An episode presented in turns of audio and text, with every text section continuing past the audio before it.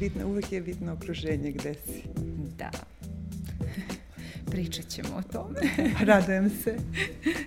Eto, eto, lepo.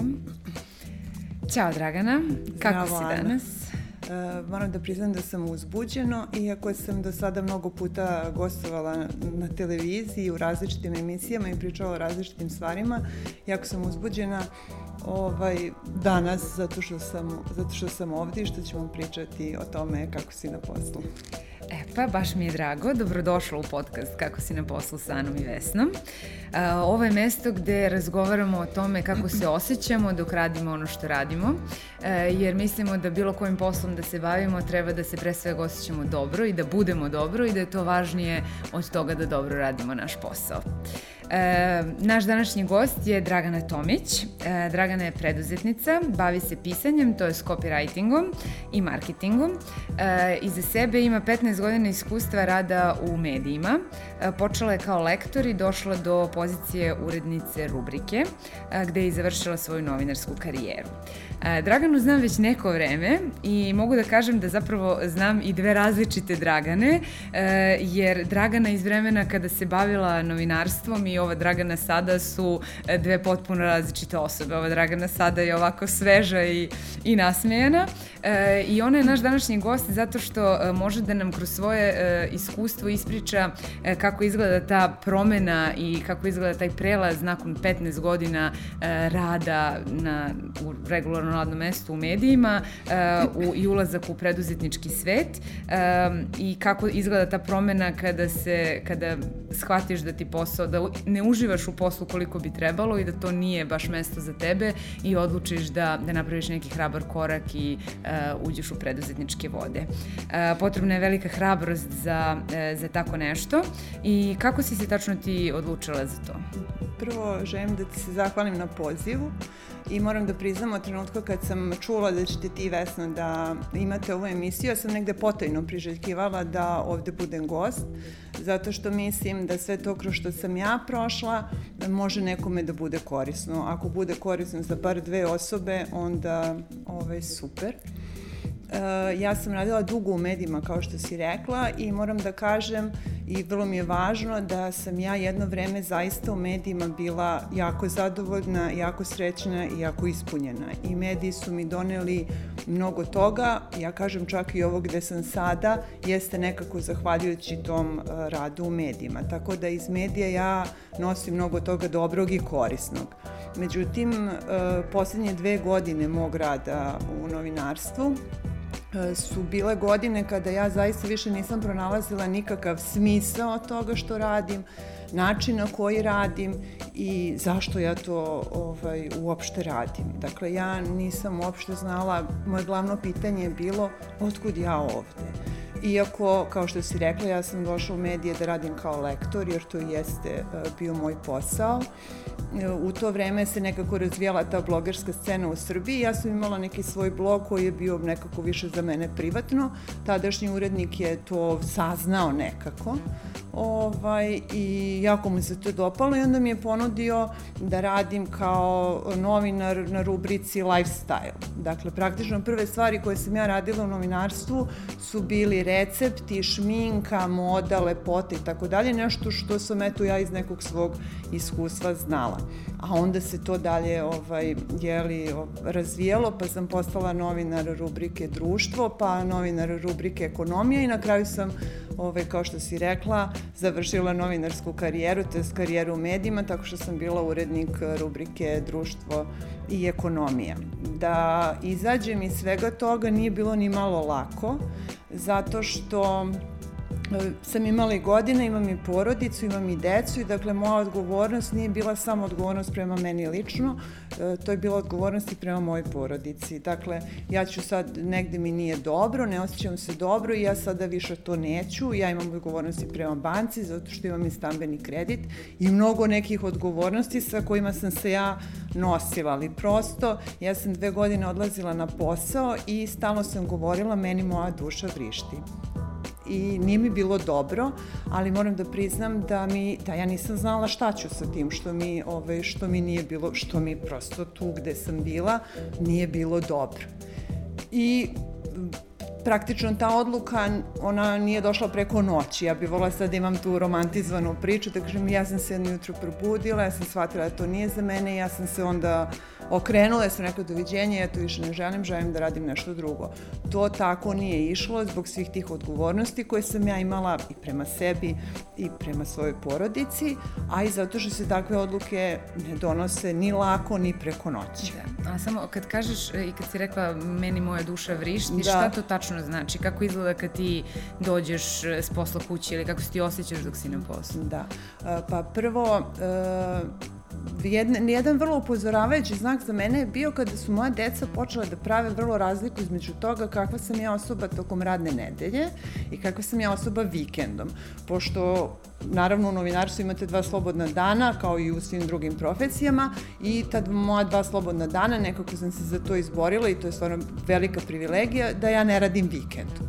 I one su stalno govorile kako sam ja jedna osoba tokom radnih dana, a kako sam ja neka sasvim druga osoba vikendom i to je mene baš nekako nateralo da se ja zamislim nad sobom i šta ja to radim radnim danima, a šta ja radim vikendom. I moji radni dani su bili takvi da ja ujutru ustajem, dakle, vrlo mi je važno da napomenem da ja pričam o moje zadnje dve godine mhm. -huh. ovaj, rada u medijima. Ne, dakle, sve vreme, nego prosto zadnje dve godine. I ja sam, ja sam ujutru ustajala i, znači, ja sam samo mislila, eto, ja sad tamo idem i ja ću da se razbolim i ja to više ne mogu, ne mogu da radim i ja sve hoću da tamo ne idem. A ja znam da ja tamo moram da idem jer ja moram da dobijem platu. U tom trenutku, naravno, ja o mhm. sebi i o svom poslu tako razmišljam, a moj povratak kući izgledao tako što ja dođem kući i uglavnom ne mogu ništa. Dakle, nego čekam kad će da dođe neko vreme i ja ću ovaj, da legnem. To je bilo već pred, pred sam kraj, baš je, baš je bilo ovaj, teško i za mene, a moram da priznam da to stvarno bilo jako teško i za moju okolinu. Kad kažem da moja duša vrišti, ja sam znala da se tako osjećam, ali ja zapravo uopšte nisam primećivala šta se sve tu e, dešava i šta je u to sve upleteno. A u to je upleteno bilo jedno odsustvo smisla zašto ja to radim kad e, taj smisao poredim vrlo često i sa roditeljstvom, zato što roditeljstvo nije ni malo lak posao i vrlo često naravno vama je malo dosta toga da budete roditelji, ali bilo kog roditelja da pitate da li bi sad on nešto promenio, on će da vam kaže najiskrenije ne. Zašto? Zato što on u svom roditeljstvu pronalazi neki viši smisao iznad toga što mu je u određenom trenutku teško zato što je roditelj. Tako isto i na poslu. Dakle, meni, ja na tom poslu nisam pronalazila nikakav smisao, ali ja toga u tom trenutku zaista nisam bila svesna, bilo je potrebno da prođe neko vreme, da ja neke stvari naučim, da shvatim da.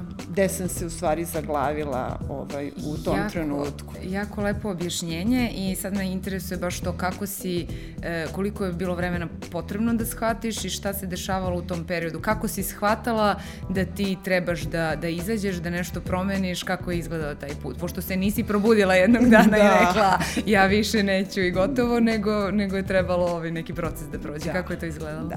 Pa prvo, uh, nekako za uobičajene okolnosti u medijima ja sam vrlo brzo napredovala napredovala sam brzo zato što sam stalno nosila taj teret da niti sam završila novinarstvo, niti sam u novinarstvo ušla sa 22-23 godine kada se obično u novinarstvo ulazi. Dakle, ja sam u novinarstvo ušla sa 30 godina bez fakulteta novinarstva, tu sam se zadesila.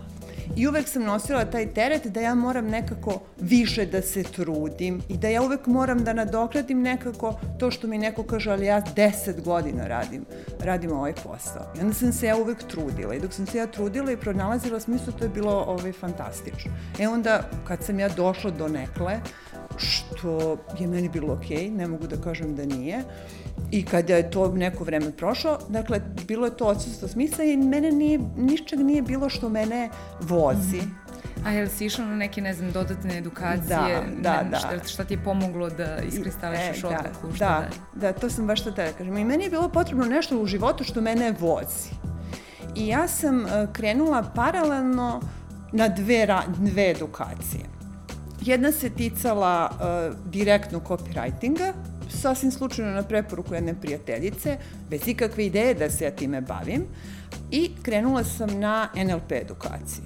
I te, te, te, te, ovaj, te prve godine bilo mi je potrebno nešto.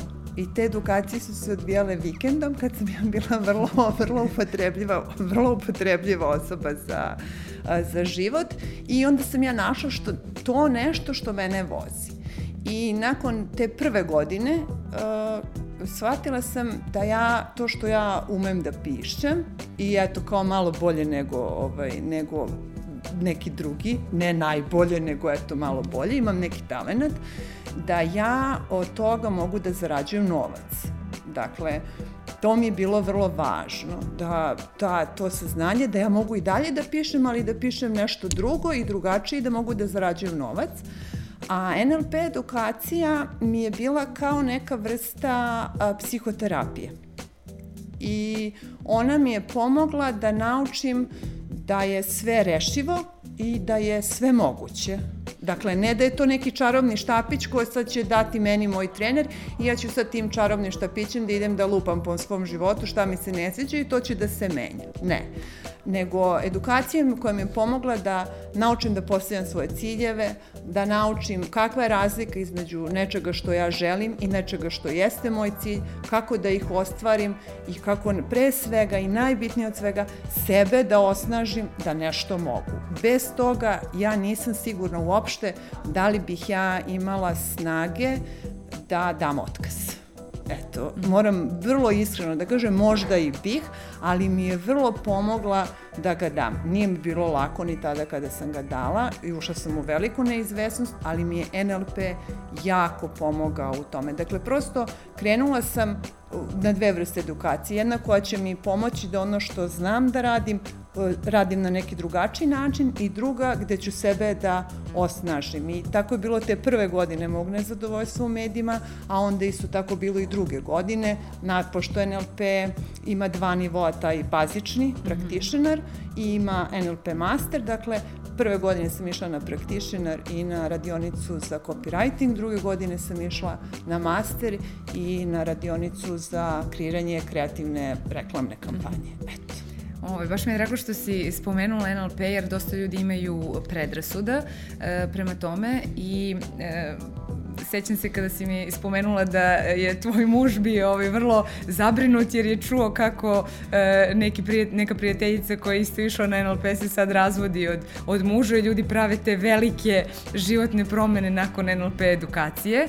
E, mislim, ti si već ono ispričala otprilike šta si tu naučila, ali ako možeš samo da, da objasniš e, malo detaljnije šta je tačno NLP i e, šta tačno u toj edukaciji natera ljude da menju. Ne, ne promene možda se i posao, ali dosta ljudi nakon takvih edukacija se odluči da promeni neki deo svog života ili oblast svog života koji, kojim nisu bili zadovoljni već neko vreme. Da, a, jeste, da, to je, to je baš ovako simpatična epizoda i mi se stalno šalimo, pošto on došli i rekao kako njegovog prijatelja ostavila žena, mi smo zaista taj brak nekako gledali kao neki okej okay brak, I ja sam zaista bila iznenađena, on, ja kažem, pa zašto, šta se desilo? Tu on je rekao, pa ona je išla na NLP. to je razlog. to je razlog. da nije bilo tog NLP-a. Da, da. I onda Sve se ja s njim šalim, ja kažem, ti si pretek. Ove, Bezbedan si da. za sad. uh, prvo moram da kažem da meni stvarno žao E, što NLP je e, na lošem glasu već nekoliko godina u Srbiji i to je velikim delom za to su zaslužni edukatori koji, koji, koji ga drže. Mm -hmm. Dakle, to, to bez daljnjeg.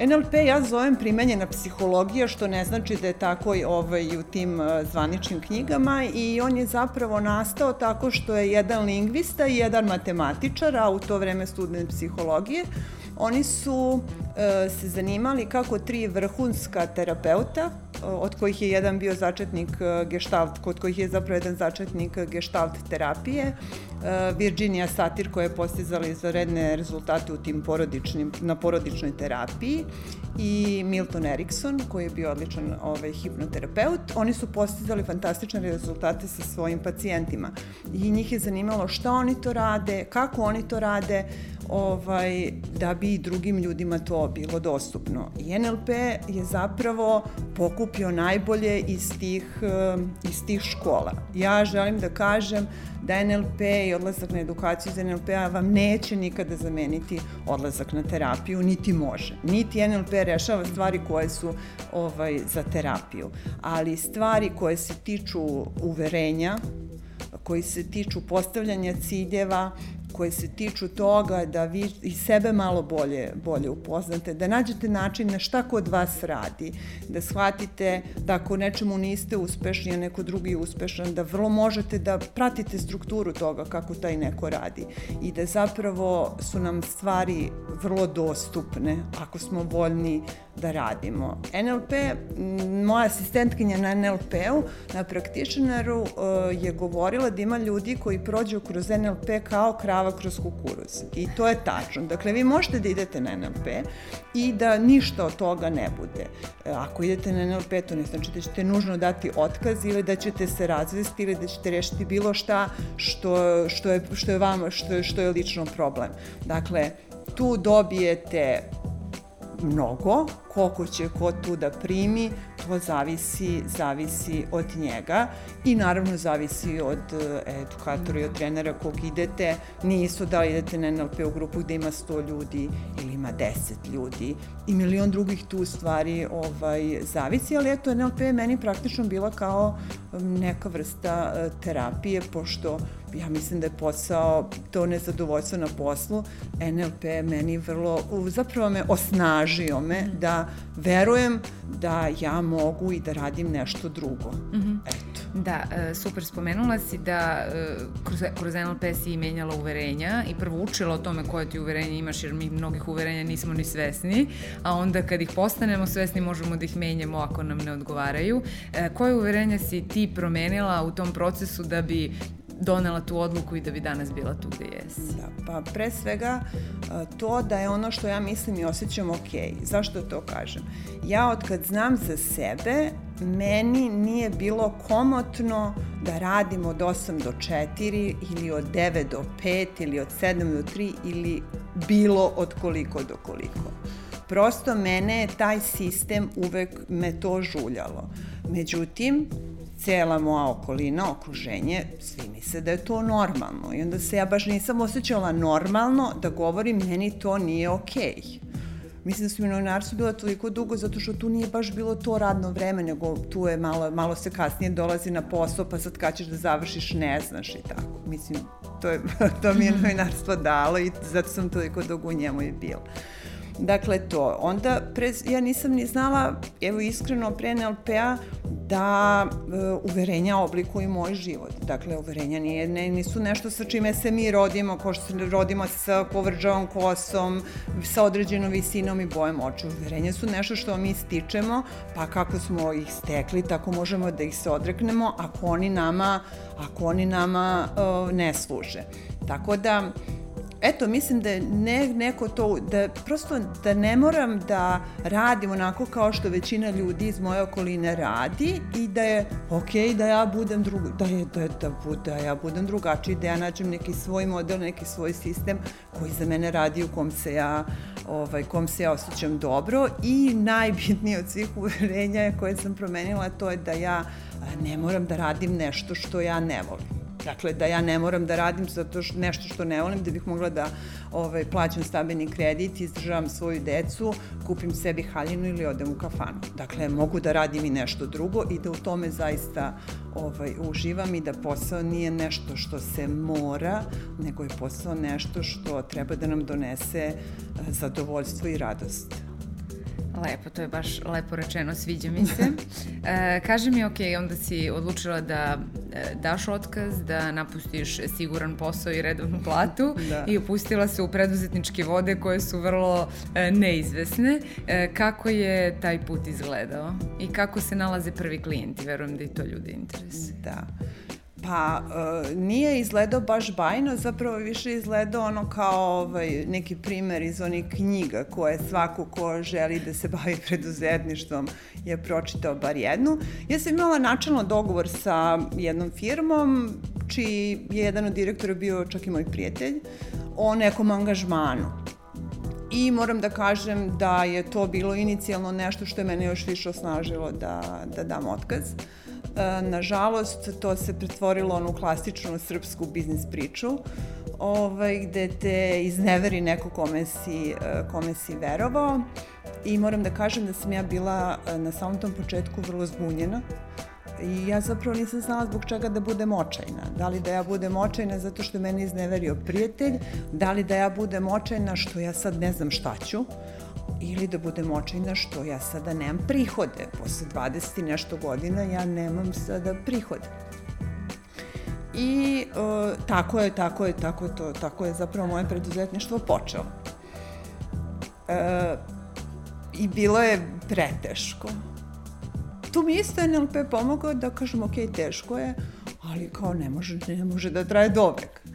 E, prve klijente sam našla tako što su me ljudi koje ovaj, poznajem preporučili, a onda su klijenti počeli da me preporučuju svojim, ovaj, svojim poslovnim partnerima. I to je zapravo nešto što ja najviše verujem i što stalno govorim, a to je najbitniji su ljudi i kvalitet je kao voda, uvek nađe svoj put. Tako da, eto, to je, nije bilo lako, ali sam sad iz ove perspektive godinu dana kasnije vrlo zahvalna što je bilo tako kako je bilo. Eto. Da, verujem da si, da si mnogo naučila i e, možda sad ovaj moje sledeće pitanje i, i suvišno, pošto moje sledeće pitanje je koliko je preduzetništvo stresno, jer vidimo da je tebi taj početak bio vrlo stresan i ne takav kako, kako si planirala, ali ok, ako, pošto si i nastavila i našla sledeće klijente i, i sada svo sve lepo se razvija i raste, e, koliko generalno sada e, imaš stresa i e, kako izgleda E, sada preduzetnički život. Da. Pa ja moram da kažem, uh, uprko svemu tome, preduzetništvo je za mene sloboda uh, da ja radim s kim ja želim, uh, da ja radim ono u čemu istinski uživam i što mi donosi uh, zadovoljstvo. Preduzetništvo je za mene sloboda da ukoliko nemam zakazane nikakve sastanke, ja ujutru mogu odem, da odem prvo da se proštam krug oko Ade i da dođem, da dođem onda da radim. Stresno je u tom smislu što ako ste preko 20 godina proveli u nekom sistemu plate, dakle, bez obzira na to koliko je, kolika je ona i datuma, uđe se u taj svet gde vi ne znate šta, šta, šta, će da, šta će da bude, da li će klijent da plati na vreme, da li će da otkaže i tako dalje i tako dalje. I naročito kod nas u školstvu nema preduzet, nemamo predmet preduzetništvo, mm -hmm a ja u svojoj porodici takođe nemam preduzetničku neku istoriju, da kažem, bilo koji iz porodice da se bavio a, preduzetništvom.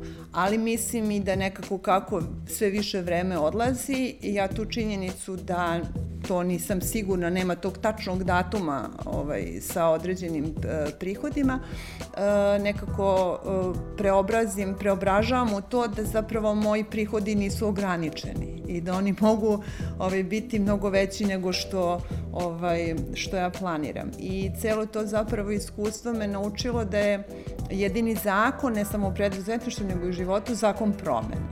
Dakle, ja jednog dana mogu da budem na vrhovima Urala i da ne znam zarađujem koji novac, onda mogu dva meseca da ne zarađujem ništa.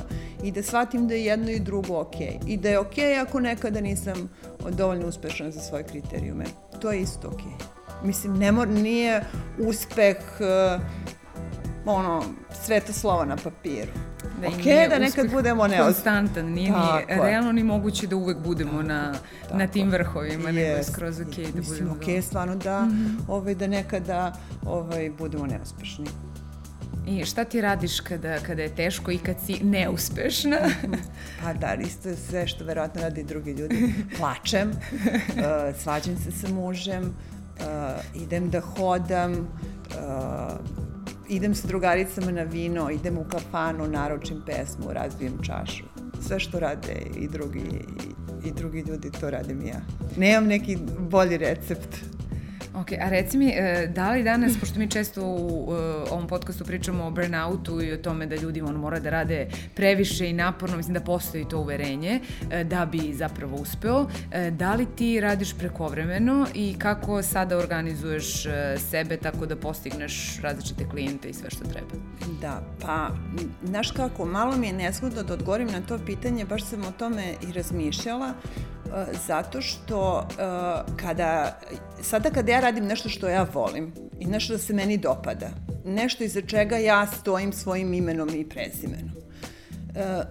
I našla sam na kraju krajeva vrlo ponosna. Ja ne merim vreme tako kao što sam ga merila kada sam radila u novinama. Dakle, ne merim ga tako, ne, ne znam sad da kažem, sad da sam ja radila 8 sati, sad sam radila 10, ne, ne, ne, ne merim ga na takav način i ne osjećam tu vrstu umora. I ako sam, kao što sam rekla, kako sam ranije kada dođem iz medija, iz novina, ja dođem i legnem i čekam kad ću da spam, ja sada šta god da radim, ja imam tu neku vrstu ushićenja i ja posle toga tek mogu još nešto više da radim i da, da, da kažem da radim, da idemo šetnju, da idemo u bioskop, da kuvam, da, šta god. Sad su čerke zadovoljne, imaju da. istu mamu i vikendom da, i da, tako da, radnih da. Da, da, imaju, imaju ovaj, istu mamu. Tako da ne, ne, mogu, ne, ne, mogu, ne, ne mogu to ovaj, da merim koliko sam tada radila, koliko sam, u smislu vremena koje, koje, ovaj, koje provedem baveći se nečima i malo je drugačije, to su različite stvari, nekad malo idete da radite e, fotografije, idete, idem da radim video, nekad da pišem. Znači, potpuno je, mnogo je, meni se to zapravo sada dopada, mm -hmm. verovatno neko ko radi u medijima će reći da, je taj, da mu se taj posao dopada, što je okej. Okay. Meni se prosto ovo dopada, pa ni ne osjećam toliko ovaj, taj neki napor, a kako se organizujem, pa e, baš težim toj nekoj optimizaciji, recimo da nedeljom posle podne ja napišem šta sve treba da uradim u toku jedne nedelje pa to onda nekako rasporedim e, po danima, ali se neki njima, ako baš ne završim sve tog dana kad sam planirala, nekako mi je bitno da to završim u toku e, nedelje. Neke stvari mogu da e, sačekaju neke dane, neke stvari imaju baš neki određeni rok. Rokove poštujem, e, to me novinarstvo naučilo, zato što nema sutra i nema posleću, jer novine idu u štampu danas u šest, ali eto tako nekako se trudim da, da, da namislim. Naravno da uvek ima i nekih iskaka čekanja, nepredviđenih događaja, telefonskih poziva, dana kada vam baš ne, mhm. nešto nije, ali eto to mi ne, tu nekako pokušam da, da, da nađem neki sistem. Jasno, jasno. Sviđa mi se to kako je drugačije se meri vreme kad radiš ono što voliš. Yes. To je, to je lepo. E, kaži mi, e, za kraj, e, ako bi trebalo da izvojiš tri najveće lekcije koje si naučila u poslednjih e, godinu dana, a, ili godinu dve, a tiču se te tvoje promene posla i životnog stila, koje su to tri životne lekcije? Da.